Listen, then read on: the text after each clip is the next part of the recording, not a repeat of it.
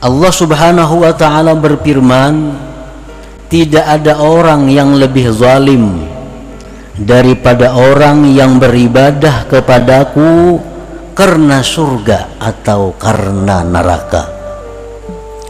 Jikalau tidak aku ciptakan surga tidak aku ciptakan neraka apakah aku ini tidak berhak untuk ditaati Jadi Allah mengatakan bahwa itu orang yang zalim. Padahal ya Tuhan aku ini walaupun kada ada surga, walaupun kada ku ciptakan neraka, aku ini tetap berhak untuk disembah. Karena Allah punya sifat segala-galanya kesempurnaan, kebesaran dan keelokan.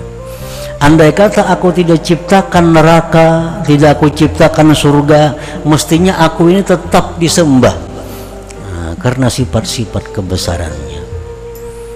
Nah, jadi orang-orang yang beribadah kepada Allah karena termotivasi, terdorong keinginan surga atau dijauhkan dari neraka, maka itu ibadahnya tadi adalah ah, kurang baik, kurang bagus.